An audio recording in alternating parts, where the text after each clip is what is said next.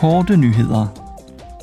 En delegation fra Europaparlamentets Miljøudvalg er på besøg hos det europæiske kemikalieagentur i Helsinki i Finland.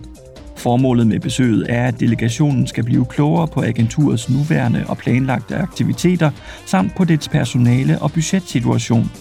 Agenturets ekspertise har strategisk betydning i forhold til at sikre, at EU's strategi for bæredygtig brug af kemikalier bliver ført ud i livet. Det er noget, som også vil blive behandlet under besøget. På den seneste plenarforsamling godkendte parlamentet en række nye EU-regler om produktsikkerhed.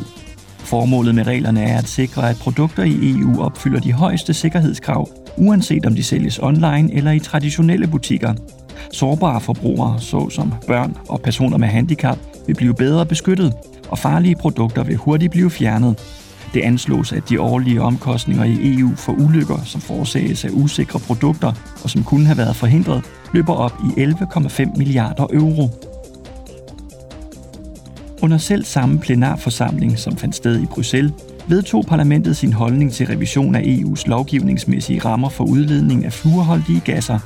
Parlamentet ønsker, at fluorholdige gasser skal udfases helt senest i 2050. Det er et mål, som vil hjælpe EU med at opnå klimaneutralitet. Fluorholdige gasser bliver brugt i almindelige apparater, såsom køleskabe, og i klimaanlæg, varmepumper, brandsikring, skum og aerosoler.